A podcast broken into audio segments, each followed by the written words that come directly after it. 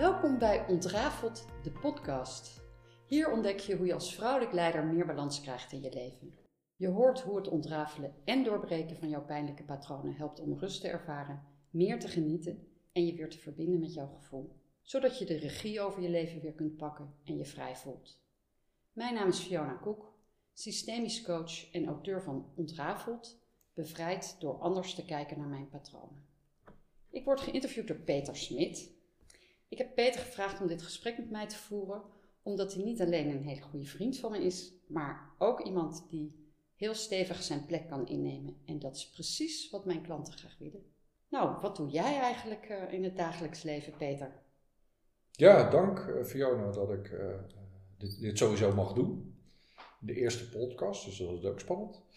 wat ik doe is, ik ben erg gedreven door grote uitdagingen op de arbeidsmarkt. En dat is heel breed. Maar eigenlijk alles wat veel is, als het gaat om veel verschillende organisaties en grote uitdagingen, denk aan het personeelstekort of aan leven lang ontwikkelen of dat soort termen, vind ik het leuk om dat voor sectoren of voor regio's aan te pakken, voor hele grote organisaties. Met name gedreven ook op twee vraagstukken, dat is uh, jongeren en werk en in de breedste zin van het woord uh, ontwikkeling van mensen. Uh, dus alleen maar leuk dat ik dit mag doen met jou. Dankjewel. Fiona, je gaf dan in inleiding aan, hè, vrouwelijke leiders.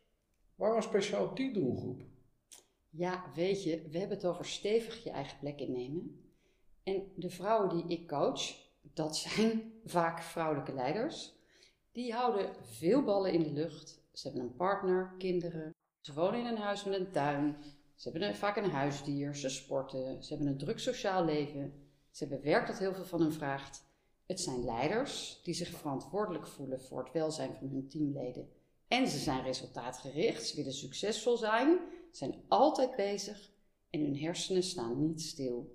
Met het gevolg dat ze verstrikt zijn geraakt in een visieuze cirkel van te hard werken, niet meer kunnen stoppen en de verbinding met hun gevoel kwijt. En ik vind het gaaf om hen te helpen, vooral die doelgroep, om de balans in hun leven weer te vinden. Maar is dat niet iets wat ja, gewoon heel erg hot is deze tijd überhaupt? Hè? Of jongeren of vrouwen of, of, of, of mannen? Ja, zeker. Uh, uh, maar waarom is dat dan zo erg?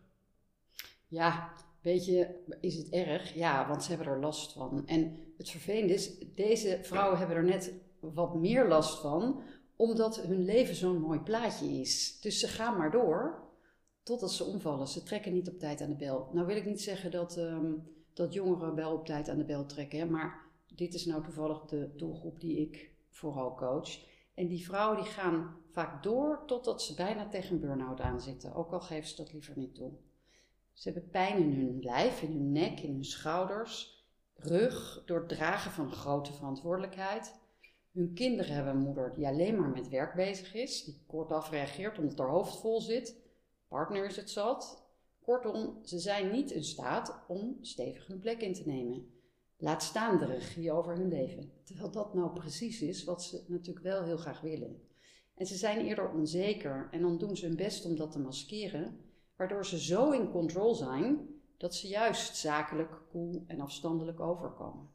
En wat is dan precies wat ze willen? Hè? Want ik, ik, ik herken de dingen, mm. de voorbeelden die je geeft. Maar, maar wat willen ze dan? Waar zijn ze op naar zoek? Ja, ze zijn echt op zoek naar rust in hun hoofd. Want dat is de basis die maakt dat ze weer het gevoel kunnen hebben van ik bepaal. En dan niet vanuit moeten, maar vanuit zijn. Dus dan hoeven ze het geluk niet af te dwingen, maar ze trekken het aan. En dat is voelbaar voor iedereen. Met het gevolg dat ze zich weer in liefde kunnen verbinden met hun dierbaren.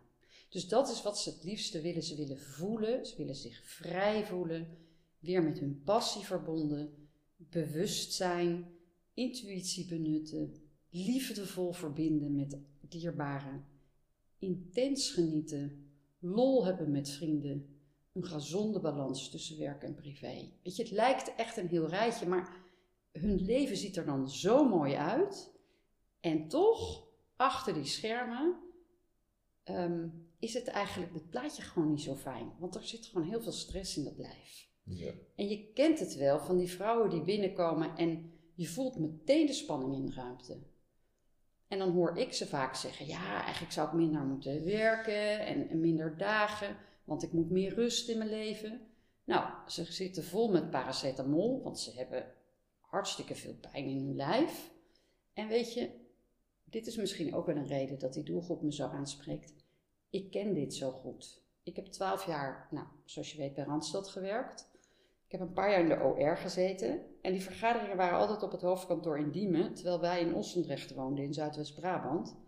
Alleen die rit daar naartoe al was al killing voor mijn lijf. En als ik dan aankwam, dan ging ik eerst trek- en strekoefeningen doen. En tijdens de vergadering ging ik regelmatig op de vloer liggen om mijn rug even te ontlasten. Nou, dat kan je nu natuurlijk gewoon niet meer voorstellen, maar goed, dat deed ik. En er zijn ook vrouwen die heel veel verantwoordelijkheid dragen, maar waar het heel moeiteloos lijkt te gaan. Die weten hoe ze grenzen moeten stellen, hoe ze makkelijk nee kunnen zeggen. Overigens gaat mijn volgende podcast daarover. En ja, weet je, dan kan het helpen om te kijken wat zit daarachter. En jij zegt dat dat ontrafelen en doorbreken van die patronen ze daarbij kan helpen. Ja, ja, want weet je, de meeste vrouwelijke leiders weten wel wat ze anders willen doen, maar het lukt hun niet. Ze zijn intelligent, doortastend, resultaatgericht. Maar, en dat heeft vaak te maken met herhalende patronen in hen, die ze hebben overgenomen van vorige generaties. Ja, eh, herkenbaar. Zeker in mijn omgeving, maar uh, misschien niet voor alle luisteraars. Dus kan je daar uh, meer voorbeelden in doen? Jazeker. Um, dat harde werken, dat kan echt voortkomen omdat jij kansen hebt gekregen die vorige generaties niet hebben gekregen. En dan, dan zie je dat uh, mensen niet konden studeren en jij wel. Ja, dan wordt er een soort appel gedaan van de generaties voor jou, onbewust, onuitgesproken. Jij moet het wel waarmaken. Of omdat een van je ouders iets niet af kon maken, omdat hij ziek was of overleed. Of, weet je, en dan wil je het heel graag goed doen in hun plaats. Dus je wilt iets afmaken wat zij niet waar konden maken. Of misschien heb je geen goede hechting met je moeder gehad, omdat ze na jouw geboorte een postnatale depressie heeft gehad of een ziekte, waardoor je als kind niet hebt geleerd om te voelen. En dat allemaal heel onbewust. Heel onbewust, zeker. En het kan natuurlijk ook zijn dat je gewoon in je huidige leven, dus dit is, hè, nu heb ik het over dingen die je overneemt. Maar het kan ook zijn dat je je gevoel onbewust hebt afgesloten omdat er iets ergs gebeurd is in je leven. Bijvoorbeeld dat er een vriendje of vriendinnetje op jonge leeftijd is overleden. Of die leraar die tijdens het gimmen opmerkingen maakte over je lijf. Of oudere broers die net even te ver gingen en je moeder kwam niet uh, voor je op. En weet je, die krachtige vrouwen, die zijn zo goed in overleven, dat ze dergelijke dingen bestempelen als lastig, maar ik kan er wel mee dealen. En dan komt er een moment, want dat lijf onthoudt alles. En dan komt het moment dat bijvoorbeeld je pijnlijke bekken aangeeft, ja, maar er is van alles opgeslagen in je spieren. En aan de ene kant heb je dus gedragspatronen meegekregen vanuit voorgaande generaties. En aan de andere kant kan het zijn dat je zelf echt pijnlijke dingen hebt meegemaakt. En ja, hard werken is dan een hele goede afleider. Ja, eens. Uh, zo, zo, ben je opgevoed. Ja. Uh, maar ja, hoe kom je daar dan vanaf? Dat is de vraag, denk ik. Ja, dat, maar dat is ook echt een hele goede vraag. En vooral omdat je meestal niet doorhebt als je in die spiraal terecht bent gekomen, die die onbalans in je leven veroorzaakt. Dus dan helpt het als je, nou ja, ten eerste helpt het als je de alarmbel herkent, dus dat je wel durft toe te geven dat je bijna tegen die burn-out zit, maar aan zit. Maar ook dat je um, naar iemand toe gaat die jou een spiegel kan voorhouden. Iemand die door je heen prikt en jou niet laat wegkomen met jouw excuses of jouw vluchtgedrag.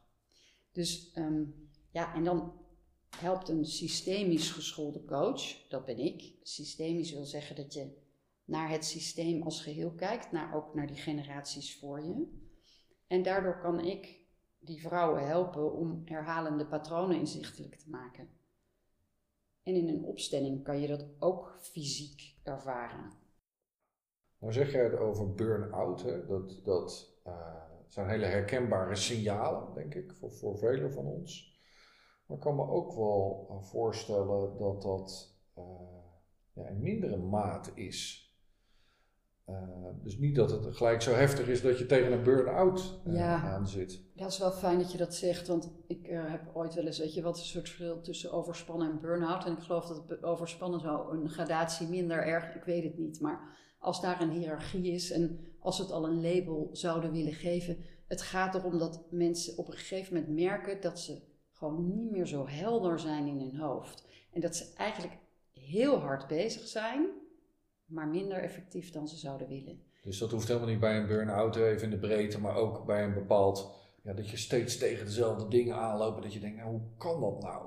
Zeker, dus dat zijn die herhalende patronen. Maar ook dat jouw partner zegt, uh, weet je schatje, ik wil gewoon even relaxed met jou rustig zijn. En dat, dat je niet meer die rust in jezelf kunt vinden om rustig naast je partner of kinderen te zijn. Altijd aanstaan. Altijd aanstaan, dat is hem. En um, ja, weet je, op het moment dat je uh, inzicht krijgt in die patronen, kan je, uh, een opstelling kan daarbij helpen, omdat je dan fysiek kunt ervaren hoe het is om bijvoorbeeld weer op je eigen plek te gaan staan als kind. Waardoor je niet zorgt voor je ouders, maar afstand neemt van hen en je verbindt met wat jij wilt in plaats van wat zij nodig hebben. Wat natuurlijk ook heel ingewikkeld is, want het betekent dat een ja zeggen tegen jezelf een beetje voelt als nee zeggen tegen die ander. Maar het gaat ook over onderscheid maken tussen wat die leraar vroeger tegen jou zei. Hè? Bijvoorbeeld, uh, nou, dit gaat jou nooit lukken. Die kom ik echt heel veel tegen. Ik hoop dat leraren dit horen. Zeg nooit tegen iemand, dit gaat jou niet lukken. Dat kan echt onbewust levenslang met iemand meereizen. En iemand gaat dan naar of, weet je, geeft het helemaal op. Of heeft een leven lang het gevoel, ik moet mezelf bewijzen. Totdat er een dag komt dat je denkt, het is goed zo. Ik, ik ben er al, ik hoef me niet meer te bewijzen. Maar dat kan echt zo lang duren. En dat kan zich dus echt vastzetten in je lijf. Maar je kunt ook in een opstelling, dus je kunt ervaren hoe het is hè, als je op die plek staat van ik hoef me niet meer te bewijzen. Maar je kunt ook bijvoorbeeld hoe het voelt, uh, ervaren hoe het is om bij je partner te staan in plaats van bij je klanten. Dat is voor best veel mensen heel ingewikkeld. En toen ik uh, zelf hè, bij, bij Randstad, dus ik vertelde ik heb heel veel pijn in mijn lijf gehad. Nou, ik ben in 2004 weggegaan bij Randstad en voor mezelf begonnen als coach. Dus bijna twintig jaar ben ik al werkzaam als coach. En in die tijd heb ik natuurlijk heel veel opleidingen gedaan en laagjes afgepeld. Maar er was altijd nog wel wat oud zeer. En ik dacht, ik stap er wel overheen. Totdat ik merkte dat ik er niet meer aan voorbij kon. Toen ben ik aan de slag gegaan in 2017 met een therapeut en coaching. En ik dacht dat het met mijn vader te maken had. Maar gaandeweg zag ik dat mijn moeder er ook een rol in had gespeeld. Mijn vader liet grensoverschrijdend gedrag zien en mijn moeder keek weg, want dat was haar overlevingsmechanisme. Zij schoof alles onder het tapijt onder het mom van: als we het niet zien, dan is het er niet. Maar met het gevolg dat ik dacht, en onbewust tegen mezelf ben gaan zeggen: ik doe er niet toe, wat ik zeg is niet belangrijk. Ik ben niet om van te houden. Als ik iets zeg, wordt er toch niet naar mij geluisterd. Ik, ik hoor het voorbeeld hè, uit je persoonlijke omgeving of van jezelf. En hoe uitte zich dat dan? Hoe, hoe ging je je gedragen daarin? Want je moest, je moest er wel mee dealen. Nou, um, mooie vraag. Ja, in mijn geval, ik ben gewoon heel hard gaan schreeuwen. En heel erg mijn best gaan doen om het goed te doen in de ogen van anderen. Dus ik heb me groter gemaakt dan ik was. Ik wilde heel zelfverzekerd overkomen. Als je aan mij vroeg hoe gaat het met je, dan zei ik altijd wat mijn resultaten waren. Maar ondertussen waren er natuurlijk ook emoties die ik heb onderdrukt. En die zetten zich vast in mijn lijf, waardoor ik steeds meer pijn kreeg. Er zat schaamte op en loyaliteit naar het familiesysteem, waardoor ik allerlei goede redenen kon bedenken waarom ik er niet mee aan de slag wilde gaan. Totdat ik op een gegeven moment besefte, ja, maar nu kan ik er niet meer omheen. En toen heb ik met behulp van een therapeut alles op tafel gelegd, waardoor ik kon zien dat er allerlei rode draden waren die ontrafeld moesten worden. Dus wat ik al vertelde, ik dacht mijn vader, maar mijn moeder had ook een rol. En uiteindelijk zag ik natuurlijk, ja, maar daar zit ook nog hun hele verleden achter. Ehm, en, en toen ik dat allemaal had ontrafeld, op tafel had gelegd, toen kon ik alles aankijken. En, en zag je die verbanden. Ja. Uh, wat ik wel interessant vind is, je was toen al 10, 12, 13 jaar misschien coach. Hè, met, met, Zeker. met, met al je, je, inhoud en je ervaringen, et cetera. Ja. Uh, dan is dat ook heel leerzaam. Of vernieuwend of leerzaam, ja. Hoe, hoe kijk jij daarnaar? Uh, bedoel je voor mezelf of voor mijn klanten? Nee, voor jezelf. Want je bent zelf door heel dat proces heen gegaan. Ja. Terwijl je een coach bent. Ja. Oh, ja iets met de loodgieter en, en, ja. en de kraan lekt thuis altijd. Ja, ja. ja, en dat is echt een goeie. Want ze zeggen altijd, je kunt maar um, coachen wat, wat jij zelf hebt meegemaakt of waar je zelf compleet in bent. En wat ik zelf uh, altijd doe, is als ik een intake heb met klanten, dan um, geef ik ze mijn boek om te lezen. En als ik ze dan weer zie, dan zeg ik: um, Zou je me ook hebben gekozen als je dit allemaal over me had geweten?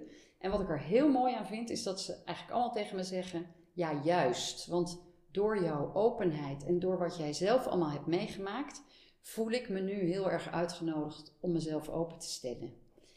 En ja, dat is iets wat heel waardevol is in coaching, want dat heb je nodig om te kunnen zien waar dingen vandaan komen. Dan kan je het ownen en dan kan je snappen dat jouw gedrag een reactie oproept bij de ander. Dus op het moment dat je je daar bewust van bent, heb je een keuze. Dan kan je ander gedrag inzetten en dan kan je dingen veel meer van je af laten glijden. Dus hoe beter je alles ook op tafel legt bij de coach en alles daadwerkelijk bespreekbaar maakt, hoe beter je kunt leren om die patronen te herkennen en inzien hoe je er op een andere manier mee om kunt gaan. En soms kan je de patronen doorbreken, of in ieder geval ja zeggen tegen alles zoals het is, zonder iets te willen veranderen aan het verleden. Ik kan nu bijvoorbeeld met heel veel liefde naar mijn ouders kijken. En dat geeft kracht en rust. En dat proces wat ik daarin heb doorgemaakt en wat dat mij gebracht heeft, dat is echt, um, ja, dat is wauw. Want daardoor komt er veel meer zachtheid in mij naar boven. En hoe reageert je lijf daar dan op? Ja, um, ongelooflijk. Dus ik, uh, ik heb net, uh, ben weer met vakantie geweest en ik heb hele steile uh, bergen beklommen. Um, ik had altijd pijn in mijn lijf. Ik had veel last van mijn knieën. Ik heb net duizend hoogtemeters omhoog en naar beneden pijnloos. Ik voel me vrijer, jonger, helderder in mijn hoofd. Er is meer ruimte voor creativiteit. Mensen zeggen ook echt dat ze kunnen zien dat ik lekkerder in mijn vel zit. En dat gun ik iedereen. Want weet je wat het is? Als je ontspannen voelt en lekker in je lijf zit, dan neem je letterlijk meer ruimte in. En wanneer jij meer ruimte inneemt, ben je ook in staat om meer ruimte aan een ander te geven. En natuurlijk houden we altijd onze valkuilen, hè? want um, mijn um, controledrang en um, nou ja, je weet er alles van, dat ligt altijd op de loer. maar op het moment dat je dat herkent, dan kan je daar veel makkelijker over uitspreken. En dan kan je vanuit rust uh, reageren als je getriggerd bent, in plaats van vanuit die paniekerige default positie, zeg maar. En als je rustig bent, dan kan je ook openstellen voor het leven dat zich aandient, in plaats van dat je het leven steeds te willen sturen. En als je daarvoor opent, dan kan je ontspannen reageren en het gevoel hebben: ik bepaal, ik heb de regie.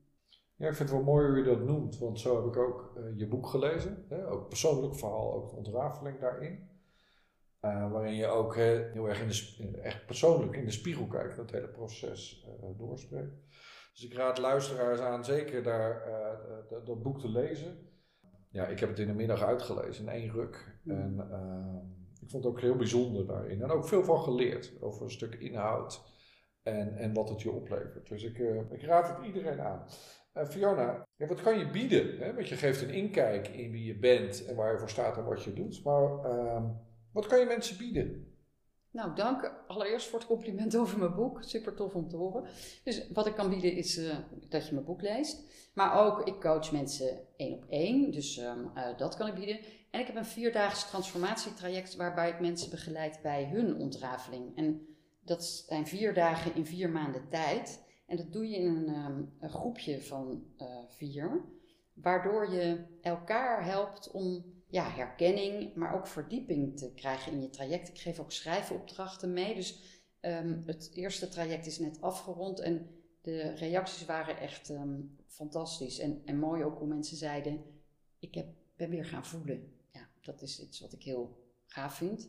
En het volgende traject begint op 6 oktober, dus binnenkort. Dus daar kan je nog voor inschrijven. Ik organiseer opstellingenworkshops. Daar kan je of je eigen vragen inbrengen of juist meedoen met de vraag van een ander.